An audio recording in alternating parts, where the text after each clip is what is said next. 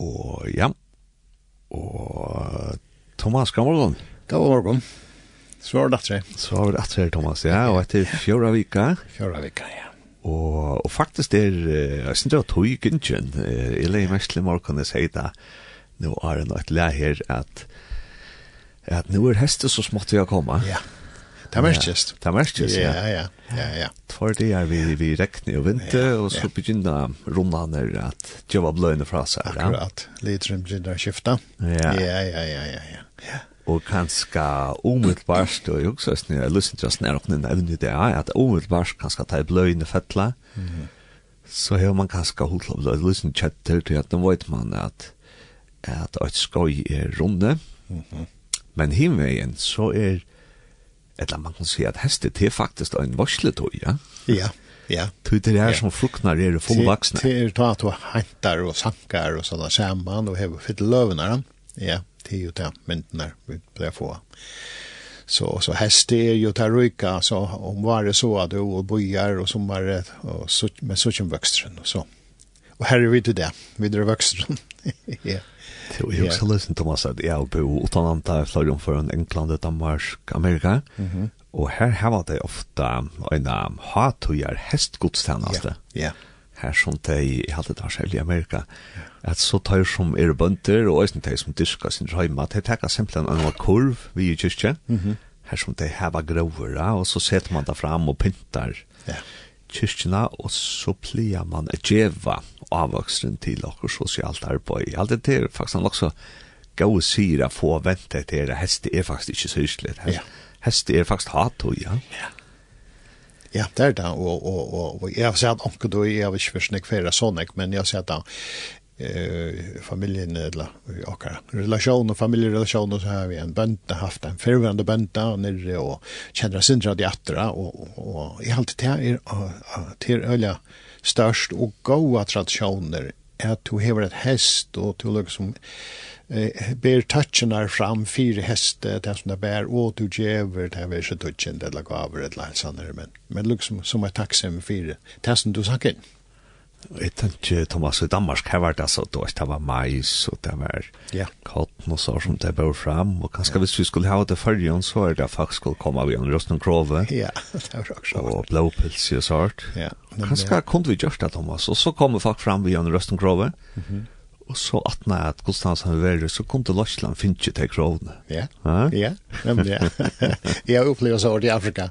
Da kommer det vi, og Jeva til dømes pastorer og sånne, typisk det det, så har vi ring for pastorer, og så Jeva der, til ofte høner og så forskjellig, men men minst det samme, ja. Ja, det fikk man fotland kjatt, og jeg stod. Det er slags kjørs Ja, Jeg synes ikke noe grå hengende her. Ja. Og, og, og jeg kan fortelle deg at, at um, det har vi opplevd flere før gode vidner og, og, og samkomne limer som, som har givet mer til jeg var samkomne leier, og de ville gjerne ære samkomne leierne. Har givet, jeg finner ikke krov, jeg finner ikke parster og krov, og sånn. Ja, det kan jo. Så det er.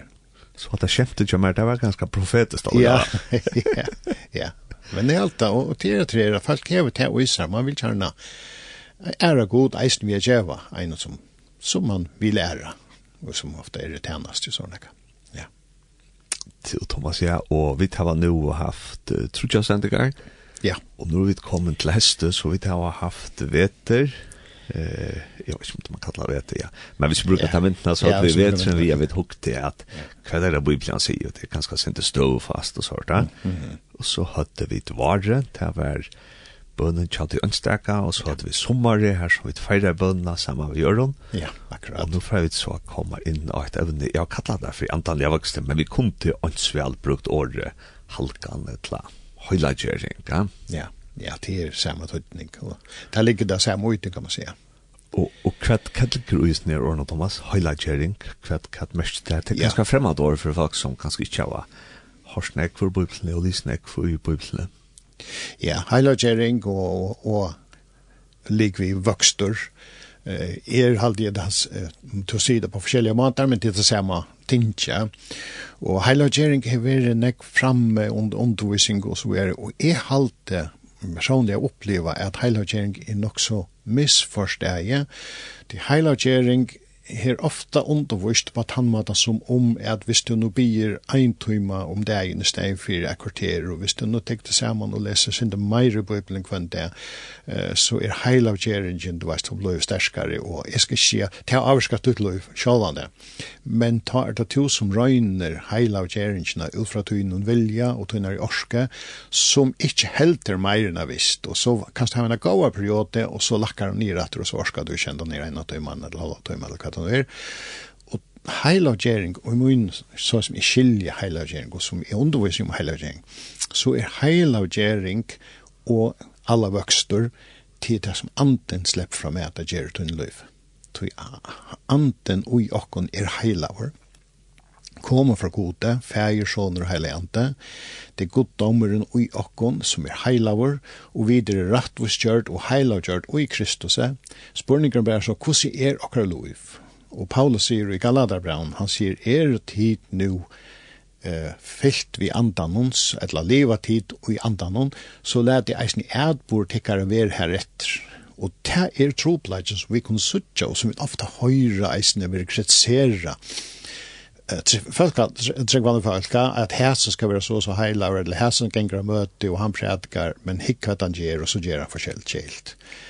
Og det er åsamsvær i mitteltan heile andan som bor i okkon ta videre endfødt, født av nødjon, og det er gjerer som færger okkon okkar tankar, okkar sinn, og som vi tilvita eller å tilvita gjerra, og som kanskje ske eller gjerra for tre for andre mennesker. Så, så min fætan av heila gjering er at heila i anden og i mer slipper at avvarska mine tankar, slipper avvarska mine sinn, slipper avvarska mine hoksaner, så at ha i hokse hva fer jeg gjer det, hva gjer jeg det, etla det som vi bare gjer automatisk, så er vi så avvarskare av heila i anden at det seter et mørkja av meg. Og jeg hoksa om det, hoksa om det her, kjente ikke det av fyrrega. Jeg skal fortelle det, han var interessant eh förutøyne de bor i heima heima gengande og så minnes jeg heima fastne telefon det var ikke fjern telefon og det var så dømme så ringte doktor og så tog jeg telefonene til dømmes og så sier han som høyrer de telefonene så går det er og nummer til det eller et eller annet så sier det akkurat og jeg høyrer at jeg som de sier at jeg var mynt på at jeg skulle si det var pappa min og så sier jeg at jeg skal råpa pappa. De hørte hva han skulle snakke vi og så sier de ah, jeg tror det var Frank. Tog stemmer ikke og lukter sånn jeg. Og det er, altså hatt det er altså sort øyla godt bøyla det av. Det er papi okkara, vi hette vi lichleis, vi da tås ombøna, vi samtala vi papi okkara, det var det vi da, liksom traveren jøkken heila. Og jo meir samtala vi papi okkara, jo meir kommer min rød, uh, mine handlingar, mitt uh, tankaminster, eller ikke sånn. Mm Og jo minni tås vi han, jo man, minni jeg har samfella vi han, for jeg ser på tammatan, eh, så lyst hon minni. Og det er alltid øyla avhåverst, og jeg alltid det er at øyla størst, en størst mynd på hva er heilagjering, det er faktisk det at jeg har så mykje av samtale vi pappa min, at jeg begynner at sier ting som han hoksar, og jeg begynner at tåsa, så det som han tåsar det var det Jesus gjør, ja. Ja, Jesus sier jo, alt det som jeg sier, det som papen min har sagt meg. Alt det som jeg gjør, det som papen min, han sier feir min, til omsett til feir, og jeg halte det er viktig, og i opprunna teksten, så, så er det papen, altså, my dad, til, til, til det det handler om. Så, og så alt det som er mindre, hva det er heilagjering for nega, hva det er vokster for nega, det hoksi er, det er, det at anden slepper at avvarska, og jeg skal ikke teka meg saman, det er heldur ikke om jeg teka meg saman, og vi kan komme løsner atter til det, at vi drar kapittel av de Galadabrand som hadde beskriva det veldig vel, men sannheten er tann, at vi tar ofta i jokken året der røynt at de jokken saman, og det kan være en god periode på så slantje, med så dette er atter det gamla minstre. Medan heile anden, han gjør noe fantastiskt. Ja. Ja, Thomas, nu er det så jeg sett, jeg har glemt det trus da til Go Live. Ja, holde det. Ja, ja, ja. Men altså, vi er live, og jeg kan sett det, og jeg kring hver aften, eller, og jeg... Så mynten ikke kom fram. Ja, mynten ikke kom fram. Ja. Så derfor jeg trus da. Det er slett ikke hos fett vi der, jeg sitter. Nei, det er det. Ja. Det er sant noen ganger eh Thomas Jakobsen ja vi för att att hålla av vi att ta sig till om till vi vi highlightering och nu säger till Ulrik Akost om om att vi att vi tar ganska lite till att hålla då just att att så ska det bli så snäck så ska det göra så snäck va och till väl ta farsiska och Jakob som kommer fram va det det som kommer fram. Att nu det hus som ska arbeta för tunna gering ja man kan se att gamla människor huxar på handamatan og tar det min lønna til min og i kastet til til. Nå har vi ordentlig at gjørst det kvart. Og det er slett ikke det er til fakta. Det grunnleggjande er, og det grunnleggjande påskapen i evangelien er at Jesus sier det jo vi, Nicodemus, Vi må fuast av nødtjon, og hvis vi skulle først av nødtjon, ja, så må det gamla dødja. Og, og det er det.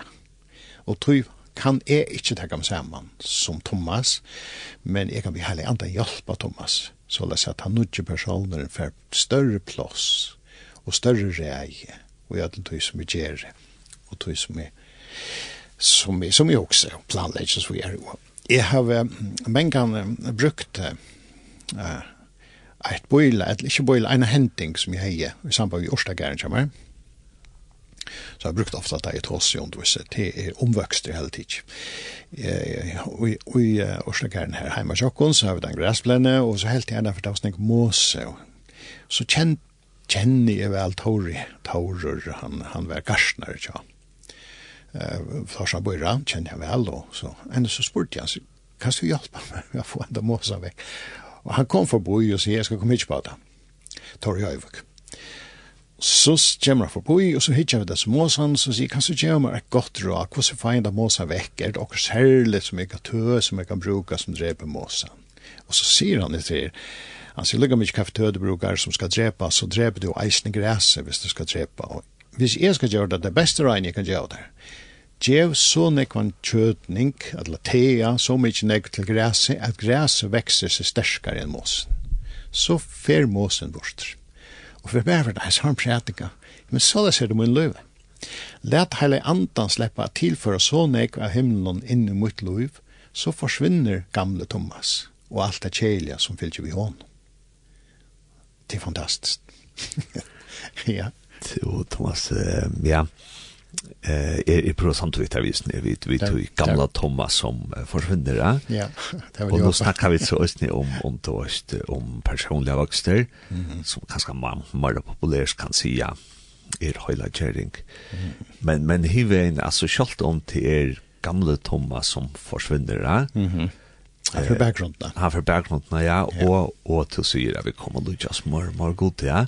Men faktisk er det han uppronade Thomas. Ja. Det var vi inne i fyrstending. At han oppronade Thomas som god atleie, og som god skapte som unikkan og fantastisk han er. Ja. Det er faktisk han Thomas som kommer si kommer fram etter. Ja, ja. Og kanskje er det her mynte vi at det er græs noen, at, at altså græset har vært her fra begynnene, ja. men så er måsavvoksen kommet inn, mm og det står der om er at det så sånn at græset vekser fram etter. Ja, og hit for at rom. Akkurat.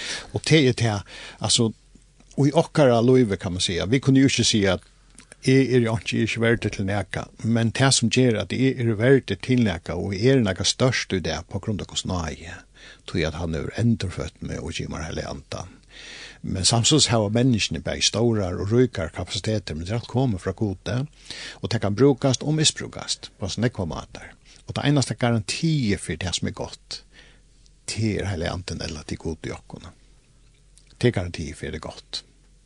Og så sier jeg at Anna Thomas, nå tar vi ta oss om, om eh, personlige vokster og eh, høylagjeringa, og, og det naturligvis, så kanskje at jeg tog gang i en kvitt som samkommer, så sier til høylagjering til at høylagjering til ta seg vi av men, men det som øyne ligger ut i er at at vi vera gjort høyla va, altså året kjolt, vi blå høyl, mm -hmm. altså fyrr var vi bråten, ja. Og nu blå vi samla i atter saman, så er vi blå høylmennesker. Ja, Ja, precis. Og sjå ante, eh, altså, høyla i ante, ta året kommer sikkert, ta var du ganske bedre, men ta kjemer fra at det er nekka som er alltså till 100 procent till den här som er rönt altså. Ja, heilagt, ja. Heilagt, ja. Ja. Fullkommen. Ja, och det er det, ter och ter ter som som vi har ringt vi att ta motor om och själva då vi följer oss slett inte hela va. Vi följer oss här och men Guds år och till till till alltid ska vara lärt om det till och till att ja men hela anten och jag är hela var og djeva du hon rom. Du kan säga Jesus är mer, färgen är mer. Alltså Jesus säger att jag och färgen skulle komma till bosten så att det kan och det är kraft av att heliga anten kommer in i vårt liv. Och ju mer vi gör rum för honom så är han heila i tilstanderen, så fär han större vald i vårt liv. Du, jag själv att det är Thomas og jeg huxar som Thomas. Men ju mer jag snackar med pappa min, jo mer avvarskas det som jag också gör och säger. Ja, og og og til lukka ikkje så seg at Thomas blø vekk tog at tog at tog at vit er skapt og mynd god så han vit er ikkje vit er ikkje god men vit er mynd er god ja. Så så altså Thomas er eh ein mynd av gode som er en helt særlig mynd. Ja, altså han er en unik mynd av gode Thomas. Ja, akkurat. Og det er viktig at få at jeg fram eisen at, at vi blir ikke bort, så nå blir vi at som Jesus robotar og at. Slett ikke, nei, nei. Nei. Men til meg tar vi tås om heilavgjering, tar vi tås om det gamla menneska, nutja menneska, synd og regnlägga, rattvise og rattvise og alt det här, så er det oi Kristus at alt det fullkomna er kommet til okkon, og som så skal liv og jøkken og sånn som god mynda i med. Og på tamrat som han mynda i til, så livet tuta ut, og tog kommer imeskleidjen, kommer ta og passe plås det som, ja. det som Thomas Taiter og Listheimer har vært til er, och jeg hade til Monet, jeg hade til Monet, han malar ta så mycket kyrkorna og i en fransk boi, ja. Mm -hmm. Og han har malat ta til galveren, då, det er enten vi en har noen glasmås, inte. ja. Og han har malat han samme galven, og på, altså, ja, han har malat på hundra måter. Mm Ja. yeah. Og hver ønsdag mynd, ja ser pura unik ut, men allukkavel er du ikke iva ui at nu maler han atter den samme galven. Ja, akkurat. og det er også bare til vi, ja. at vi er skapt ui godsmynd, mynd, at, ja. at jeg og to, vi er imiske, vi er imiske aldre, og vi er ikke imiske ut. Ja. Men allukkavel, kjalt om vi er imiske, så er mynda vi til samme myndene, vi er mynda til samme galven, og til samme glas, må så ikke, men vi tar kvarsitt uttrykk. Ja, akkurat. Akkurat och det te och det är te ju det är alltså och det som som är så viktigt det är ju i så samkommer vi åt nörden att vi gör rum för imslägan hon. Tog det här var Guds atlan och det här är Guds atlan att han gör stock så imsk eh trubbeln är bara tajt tajt så är personen dominerar mot lov fullständiga och i bojnon imslägan men så kan ni göra det vi tror någon annan ni men att han inte människa är här är vi kvann annan lätta kvann annan uppe det ligger i at veks, i voksen og i hele gjerningen til at jeg herrer litt opp og Men jeg ble ikke borster, slett ikke. Og jeg er helt spennende for jeg ble borster, til jeg vet at Herren sikna mot lov og ut i at jeg er til, ja, men så kommer sikna ikke at det reisende jo mitt liv. Til Thomas, jeg har også fra vidt at, at, at ta som er til, hvordan kan bøn være vidt til at, at han enten ikke er Thomas, mm -hmm. vekser fram, og enten ikke er i hans myskar vekser fram, mm -hmm Eh och i hela andra mynden öliga gå som du säger vi ser gräsplan. Ja, ja, så väl. Ja. En gå och så gräsplan. Men så kom mossen in, ja. Ja. Och så går så kan man så komma åter till att vi får mossan att fana och gräsja växer mer naturligt fram. Og så er spørningen til åkona, altså hvordan kan bøn være vi til at græs vekses sterkere fram, så er det at måsen ikke dominerer der. Ja. Og det er så tusen dollar av spurningen til tog. Hvordan kan bønnen hjelpe oss om vi tog? ja. Og da, så er vi etter her som vi begynner. Hva er bøn? Og vi var samt om helt fra byrjan av at ja, men bøn er, og i bottengrunn så er det samtale. Altså det er en dialoger. Adam og Eva hadde dialog vi skaper han og videre født atter til til stadie vi Kristus og vi frelsene og herlig anten kommer inn i akkurat løyv, så bønnen blir atter til at nå kunne vi atter hava dialog vi okkara på appa. Og bønnen som ein dialog forman, hon avverkar jo okkon, og her er det atter hvordan skulle vi så gjøre? skulle vi så, er det ikke godt så å bia fast kvendt, så slant og så videre? Jo, absolutt, og det er det som vi halte jeg mamma alle til å si at det er godt å bia, det er godt at heva tøy til bøen, og det skulle vi heva, men det må være meira enn bare at han løtene at vi sett av en halvandet om det inn, eller halvandet om viken, eller hva det kan være.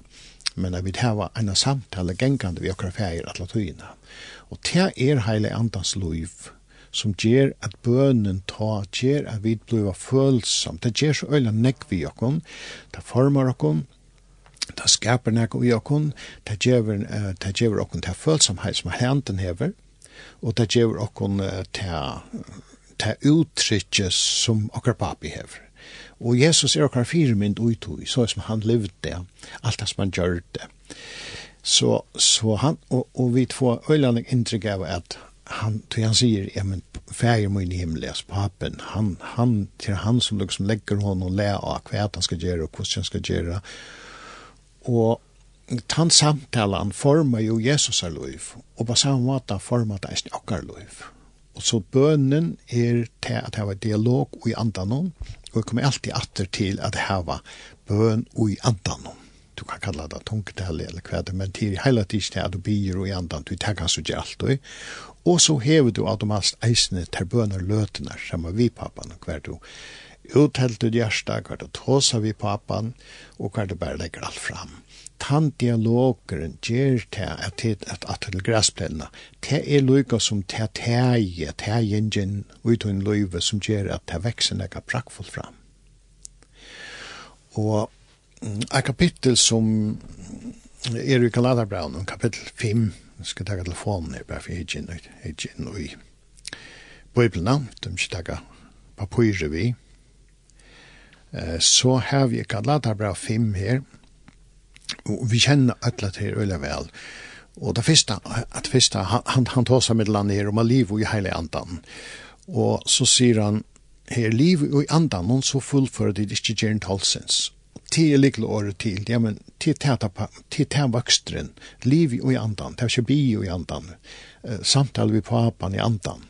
Men så var det holdt som var minne minne i avskan. Man kan si at det gamle Thomas var minne minne dominans eller räja. Og så sier han det som er øyelig interessant. Han, han sier, versk holsen, sier i åpenbær, og så sier han, tei er, og så nevner han henne rettja, siløyse, åreska, skamløyse, avgoda derskan, gantor, fudgenskaper, klantor, kappingarhover, breie, strui, tvoidrotter, flokkadrotter, øvund, mor, drittjeskaper, svir, og anna tøyluk som er sier tikkun om framanundan, enn som eisni er avra og sagt, at de som slukkjera skulle ikkje arvaga så rytj. Og jeg vet nekst trujas vi etter her, tog at, ja, så slipper jeg til, altså, han som hever sver drittskap, eller anker som er fotlen av flasken, eller et eller annet, eller gjort noe skreift i avundsjuka, så slipper han himmelen. Men det tåsar ikke om himmel, det tåsar om at arva hos rydde. Og arveren er jo tja okken, i fesebrev et sier, arver, ikke så ryker arveren er som er i middelen okken. Og til det det handlar om, at livet jo etter holden hon, og etter tog som holdt over, og det som han beskriver her, er at det fallna menneska, det er åpenbæst at det fallna menneska hever ikke de verskene som hele andre hever, det fallna menneska, i seg selv. Og livet du bare utfra tog, ja, men så først du ikke fætru i arvene. Og så sier han, men avvøkster andas, det er kærleik, glede, frier, lengma og mildleik, gask og trofeste. Og til tog jeg sier at vøkster, heilavgjering og så videre, er ikke noe som du kan, du kan ikke hala græs opp. Men det vokser fram som en andans avvokster, og jeg tror at du samskifter vi feiren, og i heilig andan, det vil si du lever og i heilig andan. Og det som er interessant, det er til dem at at det er græsplennene, det er alltid en gangmynd. Langs i at jeg har slik græsplennene, hun ser godt ut, hun er pen nå, og, og, og græs ser passar lige ut, eller stort, om man kan si det så. Og så legger jeg ikke mest til at det er netter, nå er det lydsen som gjør, men det er også ikke om. Men da er vi ikke ferdig, eller tvær. Nå så ikke, åh, det blir ordentlig så ut. Du sørst ikke vokster enn akkurat med det vekster, men knapplig så noterer du der, åh, her er vøksteren frem fram. Græs er vokse. Og så leser han eisen i munnen løyve, heilavgjering, vokster i andanen, til ikke nekka du legger mest til at Å, ikke nu vekster løsender, nu vekster løsender, men knapplega så sørst du, å, her er vøkster vær. Og, og te er andans vøkster, te er løyve, og i heilig andan, som brøyter te som person, og i tunnen utrusforme, og i din tankagang, og i tunnen avgjeren, og hos omgangs mennesker. Det er jo bare lukka undersøkka, Thomas, i min om lott lottar, at, at man tar seg om et her vi rattvuskjering, og og heilagjeringa, ja. at jeg vet det er rettvis kjørt fyrir gode på grunn av Jesus, mm -hmm. og jeg vet ikke om man kan si at det er en aksa oppe etter det, altså på grunn av Jesus ble vi fullkomlig frelst, ja. og det kan det ikke vikas vi, ja? Nei, det kan det ikke vikas vi. Men så er det en, en, en, en andre aksa, altså til ja. rettvis kjøren, og så er det heilagjeringa, ja, ja som altså, det alltså tagenka som då er på tvers av hver er, Ja, nemlig, ja. Og, og, og Och och och i allt det så där lysen där vi då är att Ja, vi kan godt være frelst for det om vi uh, fettla og trång til alkohol. Ja. Og til øyne glede på skrubben, jeg kan skal sjanker gri det, eller lust av i det. Ja. Jeg skjalt om de er fattelen, og gjerne sint atter, som sjant er kjedet for teg og tar han nærmeste. Ja. Men altså god gjevst ikke vi at, at lysa sutt jøs, så græset kan veksa fram atter. Ja, nettopp. Og det er fantastisk glede på. Ja, det er glede på. Og, og jeg halte det så godt at du har skilje midten av det her, at let dem si at du fettler i en sind, eller du fettler i en vana som, som er en sind, men du klarer ikke lett av vera. Ja, men det ganger det er det stjelen jeg av arven og tja der. Men det stjeler ikke plass i himmelen fra der. Det gjør det ikke. Samstundes så er det sånn til at vi ledger så står dent av himmelen, og sjålande er det til at det er viktig, det er ikke gledast, til å øyla viktig, vi må komme til himmelen, det er klart. Men Bibelen tar seg alltid om i det, og hun peker av at i det skal andans avvøkster heva sitt rom, fire at løyvi av gjørende kan utvalda seg og i det gode. Det gode er ikke sikna heimen. Og ofta så har vi et uttrykk som sier at, ja, men ass, det er sånn jeg ønsker i heimen, ass, det er forferdelig ønsker i det er det. Men hver kommer ønsker fra, ja, vi kan si at beina, han kommer fra djevelen. Ja, og da hver utfører han menneske. Hver gjør det gode versene, menneske. Hver gjør det ringe versene, menneske. Og til tog er det, det ligger så øyla stor arbeid av okkar løyve, hvordan forvalta vi arven som vi da finner, så han kan komme til uttrykk for okkar samfella, for mine grannar, for mine medmennesker. Og her er ligger tørven av at vi må, vek, vi må ha en antall av vøkster, vi må veksa i heilavgjering, for jeg kunne ha en avvarskan av ötlund og underfull arven som vi da finner løyve det er meningen, og det, det, det er kun unga leggen når står den da, og her ligger bønnen som er grunntallet og et anbå til det. Til Thomas, jeg halte at han da nevnt vi i græsplen, jeg halte jeg godt, jeg halte jeg godt utgivet jo kan ta vinten i morgen, og jeg halte vi skulle bare bruke den ja. Og nå husker jeg om at, at hvis nå du sier, Thomas, at, at du er to, to erst øynbøkker i græsplen, mm -hmm. Og to hever ser grøsene som god til å skapt. Akkurat Thomas Lavera, en, en unik mynd av, av gode ein av dem hundra mennene kommer ned, hvis dere kaller noen av kyrkjøsøyene. Ja, akkurat, ja. Og jeg er så en annan bøkker, så jeg er med til Øystein Gold, men jeg gjør det på en annan måte enn til Gjørst. Og, og så var det til at, at, at Gustav Thomas han sier at, at måsen og hans her bøkker ikke teker i hverandre, ja. men at græset slipper å vekse fram. Og til å si så, ja, men det som er, er at at faktisk skal, skulle grøsstrein her, det skulle være i dialoget. Ja. Så det skulle være i dialoge, og det er også en biologisk, kan si, ja, at at fyrir at hei ønskstøk og grøsene skulle veksa, så måtte de hitje opp etter, de måtte takka solarjøs inn, yes. at det heter fotosyntesa. Ja. At de måtte takka solarjøs inn, og ta seg at de har et samband til god og til så bønene, ja. og så kan man hava samband vi hinne grøsene rundt om om, altså jeg og to, fra okkara bøtje kunne knyta sambanda, og til kanskje vi tar oss om da vi tar oss om bøn fra Thomas og til god, og bøn fra Thomas sammen vi tar i hans særa samkomme. Akkurat. Og nå stendet det av sindri ansøkn Thomas kanskje til det som heimene sier, at det er heimene sier om hvordan du skal få tøyne grøs av veksa hvis vi tekker sånne populære ting som yoga, ja meditation, mindfulness, ja. ja. Det sier lysinter at grøsene skulle hitja inn etter, at det skulle bli kvir, og det skulle ut og lukka heimen, mm og, og det er voksteren, ja. men ja. faktisk sier det omvendt, at du sier helt og stedet for at det er en innare monologer man skal få i les, og sier det, nei, til er en dialoger som mm. grøsene skulle få i lære opp for god og ut til henne grøsene, ja. ja. Så to sender oss en rannsak vi, det som heimer kan skulle det oppfatter som personlige vokster. Ja, og det er, og det er jo en det som vekser deg fram, det som er moderne, er jo at mennesker i til tiden, altså alt snør seg med, og jeg må ikke inn etter, jeg må få min fri, og jeg må få, jeg må, jeg må, jeg må, det handler om mitt liv og og god kommer inn og bjergar og knut til sannhentan jamen, det er, jeg vi ikke kapasitet til det. Altså, jeg kan bruke yoga og alles forskjellige tingene som har vært i oppsøkende ølter. Det har alltid vært i erstatninger, fire, eller røyne, for fædre og tog, som man ikke hever i oppsøkende ære, om ære mater gjør det på. Og du kan finne omkring fri og yoga eller et eller annet. Det, det skal ikke ha nok til det er ikke bra, men, men du finner ikke den frien som støyer opp om alt vi, da. Du finner ikke den frien utan og i gode feir okkara. Og han er tog hever han frelst okkon, tog hever han bjerg okkon, for vi kan komme inn at det til den frien som vær heilt fra byrjan og i etasava. Den frien får vi fædre og jatter, og det kunne vi ikke bruka neka anna menneska ampo til. Og det er jo i ansøkn, tog som sagt, hit vil bare bli en menneske dyrskan, og hun er så avmarska som menneske er. Men en godsdyrskanen, hon er oavmarska, tog god, han, han tjever kan lot i himmelen og sjolven, og semman som kommer og ikke tog, veri vilje tog, som i himmelen så gjør. Det kan ongen djeva okon, og ongen kan djeva okon til, utan Kristus, utan heilanten, utan fægrina. Og tog halte jeg til at det er ansøkn, og vi må absolutt doa skilja vel mittlen. Uh, higg tar du hikker inn etter ui menneska formon vil si joko til nør, så hikker du etter fallna menneskan og finner ikke utan ta fallna menneska. Og godt finna fri i nyda sjolvon, og godt sitte der og mersa fri, ja, men til fatle menneska som ikke kan bjerga der, som ikke kan hjelpa der.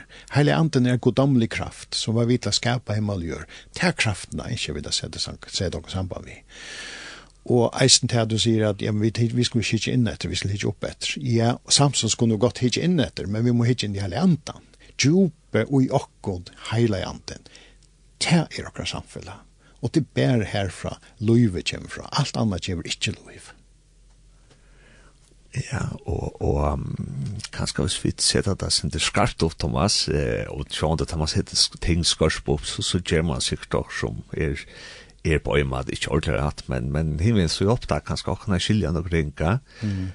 Så altså, og det er vilja vi gjerne hava personliga vokster, og det er i alt i østene, mm -hmm. at, at det er ikke nek, altså vi skulle ikke, vi skulle ikke være flow av at vi vilja personliga vokster, det er nek organiskt, da, altså det er det vekster at latin Absolutt, ja, ja, ja, absolutt. Og, og det er så selv kanskje arbeidsplassen og sånt, at, at man, man gjerne vil hava løyere til å vekse og i sånne løslige oppgaver, og vekse som personer, ja. Ja.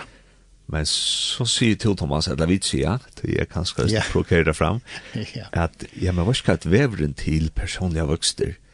Det er ikke yoga og mindfulness vi at higgjen etter, og, og, og meditasjon, ja, men jo, det, det er godt til å bli frialig, og ja, ja. yoga kan skal godt til å få strekt også, jeg vil helst prøve det. Nei, nei. Men det er ikke den veldig veveren til vokster. Veveren til vokster er dialoger. Ja Det er det. dialog er så bøn, ja? Ja, og det er bare en dialog, vi nækker som er større vidt, og ikke bare nækker, men vi han som er større, som ber av et land, og som er skapt av og kjenner av Og jeg heldig som du sier at det er øyla viktig, tar vi noe tås og alt det er at jeg til herren og til ikke jeg. Jo, det er, altså han er skapt meg som meg, og jeg må være jeg, og jeg skal leta mitt potensial komme fullt fram, men ut fra hånden. Så kommer det balansen vi til at til balansa vi gøspkena, vi heilagerina, vi tar fullkomna, perfekta, som bæra ikke gåver. God papp min er bæra gåver, han er bæra gåver, han straffar ikke, han straffar Jesus fullt ut for alt, og at straffen er båren, og han er bæra gåver. Og til tan gøstkan som roi okkom, og som skal komme utjøknon okkar potensiale, så, så min personer som kan reisa seg, tekka utbyggvingar, bliva stonalir og vera bestre av ötlun og eisen utover sin ekom og idrottsarna, jeg vil vera heimsens beste og jeg vil hava, og så er. Det er det er godt mål, å er seg høymål, men det er Kristus heilig andan parallelt inn i alt som du gjerst, fyrir at du ikke skal koppa som bare et menneske som, som bare brukar en orske og sånn som er. Ja, de var så i allt just att at att to ratta i väl ta var en go ratting.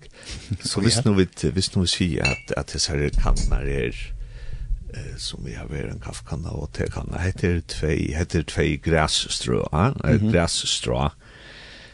Och jag ska ska vara måsen, jag lägger mig her, hva skal målsen det. Ja. Men är här så hoa sia att at yoga meditation og mindfulness det hikker inn etter og i kanene, Og så sier jeg spurning hver helter om at hessa kannar skulle hitja opp etter, mm -hmm. og hitja til hver er men to faktisk rattar meg og sier at at kannan skal være en kanna og være i samband med det som er inne etter, mm -hmm. men det skal så være i samband med det som er sitt og øyne ja, oppe etter og ja. vi kvann annan. Akkurat, det er det.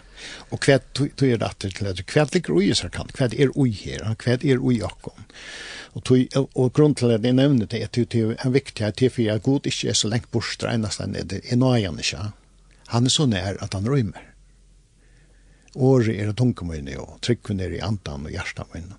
Så til sånn er, så, så til tog jeg også om at han er ui okkon, så vi tar ikke inn etter til det innehalde som er god. Og jeg halte eisne, visst, la dem si, yoga, mindfulness og det er ikke som nevner her, og det er populært, og om anker dyrker det, og føler liksom, å, nå føler det fordøming, til vi sier det, nei, vi fordømer ankan, men vi viser bare at han går av veien, at Det den fullkomne veveren til det som virkelig er mån for det, til her som lov er, og til hele helgjenten. Vi kan si at, at det er borardikt, da? Det er borardikt, ja. At, at, at, at vi gjør det ikke, vi gjør det ikke, i hva skal vi si, ønskapet. Nei. Ja, vi sier at... Og ikke for fordømme. Nei, at, at vi sier, vi sier faktisk at yoga og meditasjon og mindfulness til det er fint, men det er ikke godt nok. Nei. Det er ikke det som fører for åkken til verden, personlige vokster, ja? Og det er ikke for jeg vil ønte vi de som kanskje dyrka og selja jokka, men det er for det at, at uh, sya hva vi talte vel jeg gjør om. Ja. og det er dialog dialogren, Thomas, og og ja, nå får du ikke at affæra, men uh, ja. men så vidt vidt passant er at at at vevren til vokster til er dialoger, mm -hmm. og til så bøndene. Ja. Jeg vet ikke om vi nå kan skal eh kanske kom vi på ankramata att göra ett litet och sätta recap. Eh en en sammandratt att hur alltså kvart är det här vara i dialog? Är ja. samband med god och är samma vi hinner i samband med god alltså kvart är bön ja ja. Ja, bøn kan kanskje kassen vintervære sin det mystus, altså, hva er bøn, og sånt, dette har vi tås om før, men et annet land, det er sammandratt. Sammandratt, ja. Ja, tog bøn er, vi, vi nevnte det her fra begynnelsen, at bøn er, hvis du tenker religioner, bøn er jo ødelen religionen, for seg på rabatten, tog du ta seg ved nærkast som er større enn det, som du tror du på, og god fægrene kom til åkken i kraft av Jesus Kristus, vi da finnes evangeliet, og han er født åkken av nødtjon, og her likte han naturligt at vi bia til fægren, vi bia til god, Og vi nevner grunnen jeg pappa, fæger, til reisen fire at dreja da nye til okkara som er kærdagsforhold, og ikke bare en store god som sitter og styrer og bestemmer øtlån, men han elskar okkon og ikke okkon.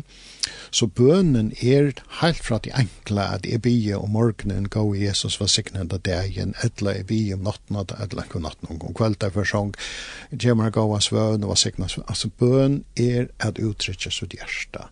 Og bøn er växer och tror vi att det blir förtrolig med pappa. Jag kan ta sig igenom allt. Uh, och vi då är inne på att bön blir ofta som människa former att i rön till han tar ju troblek och det vet han kan hjälpa. Uh, men till på er snakka med medeltøyene, til er vittar bæg jo gåven og ringkondøven. Og det han er i mykjer, men er är alt vittar. Så, så bønnen er hans ta samfellet, vi hava vi færen, er vi tåsa vi gjennom alt vi da tås om nivåen av bøn, at jeg kan bia, avvisa tøyer, og i andan kan bli alt, og vi snakkar om dette vi har bil, at det kan bli i andan, eller tungon, og bruka andansbøen som bara køyrer inn i uimer, og høyra samfella av papan, og rabra, Paulus beskriver rabra, at her bia vi ting som vi kanskje ikke då sitt år, at vi skiljer ikke og høyre ikke at det vi skilja, men kan vi sija, men vi kjenner i andan at vi rører vi pappa okkar, og han signar okkar. Og jeg nevnte til dem settere at han det er kjetter, så blir jo i andan regulert, og jeg kjenner bare hvordan kjenslene ble brøttar til at jeg følger vel på henne, og så har vi det nek bedre.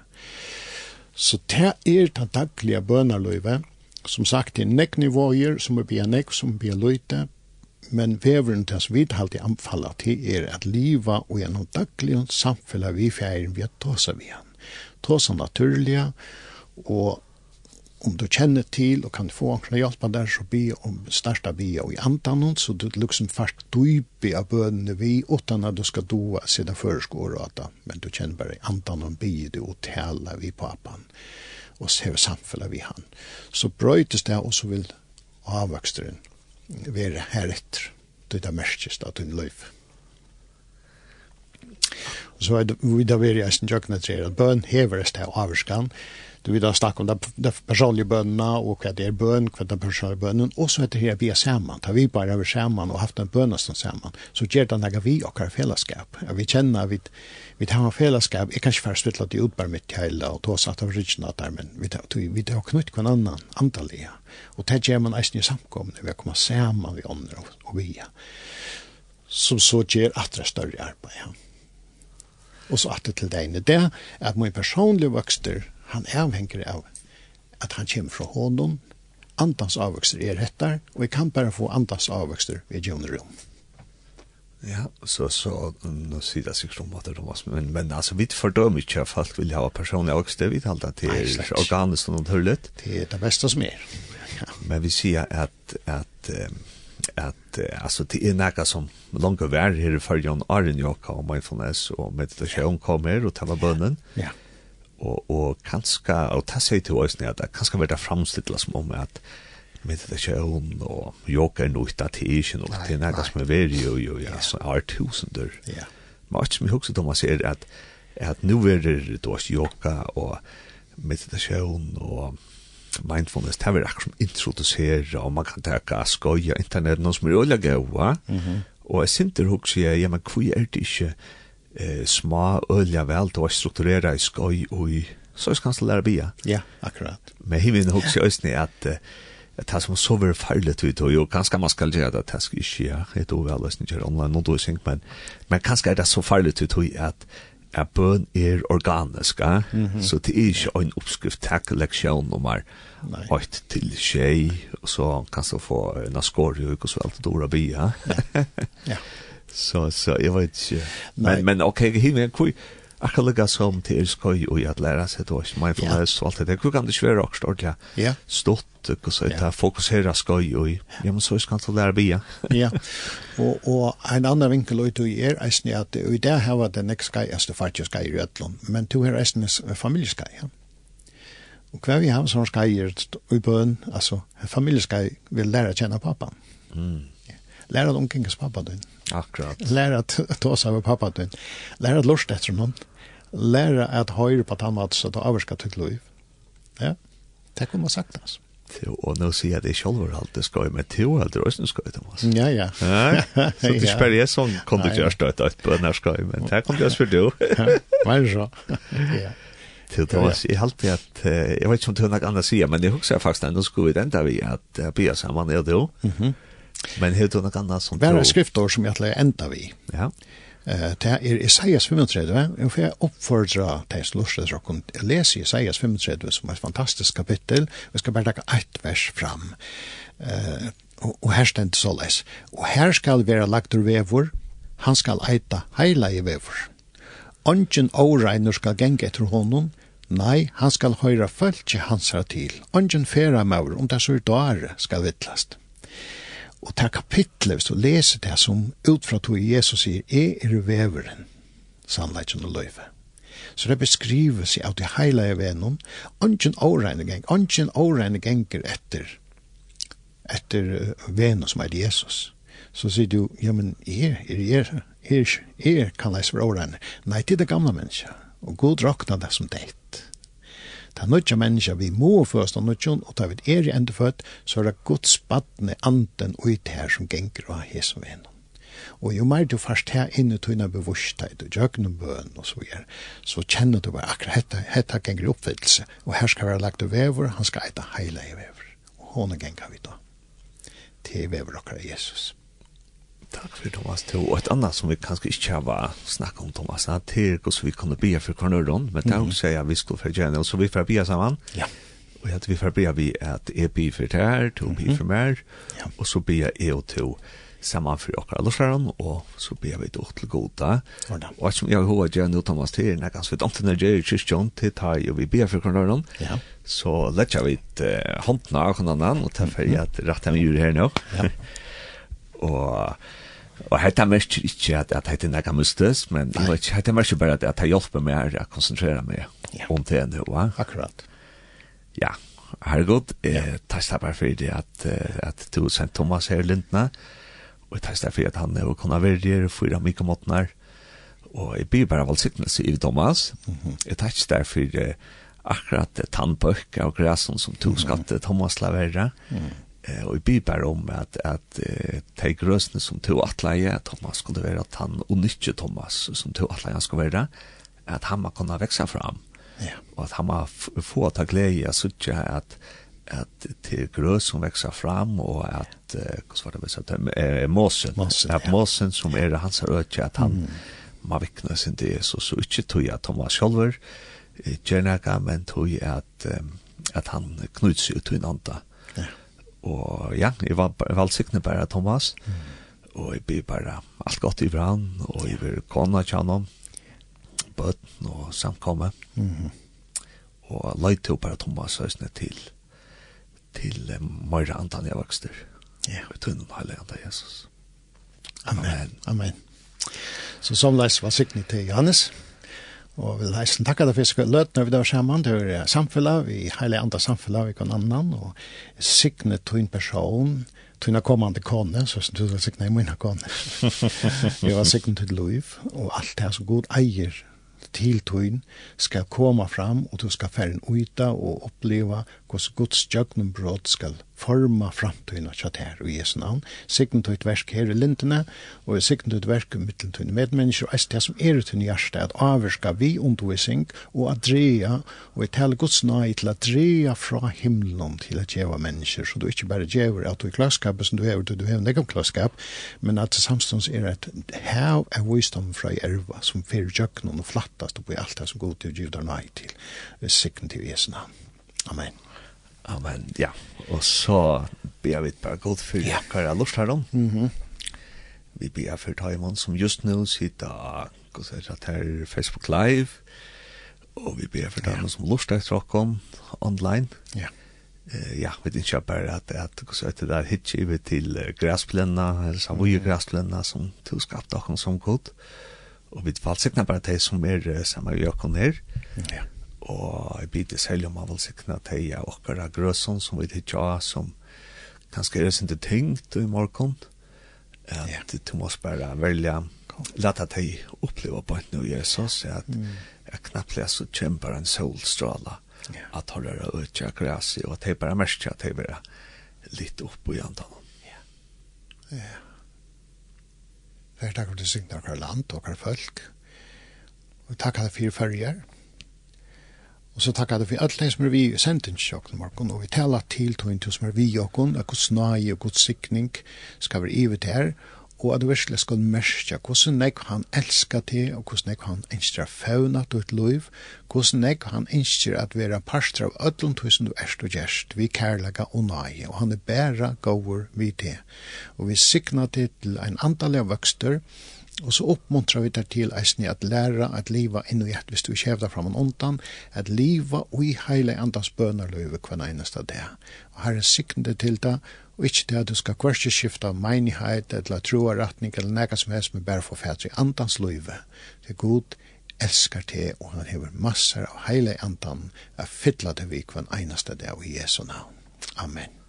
Ja, og jeg visste noe godt at hun har for Taimon som for at hitje etter nere etter lort her etter nere skjøttene, at selv om det ikke er vi på nå, at hun er noe bare valgsikna deg, og, og bare en øyne for Jesus, at vi fordømmer ikke deg som mm. var yoga og meditasjon og mindfulness, og vi takkar deg for at de at de vilja, og anten jeg vokste, og at de vilja fri, og at de vilja kroppen og vel, mm men vi ber dig om god at hej må sucha att hej vi bön och så fantastisk råskap är att Thomas har opplevd det her, mm. og vi ber om at hej også må grupa att her anbøye, som har til bønn. ja.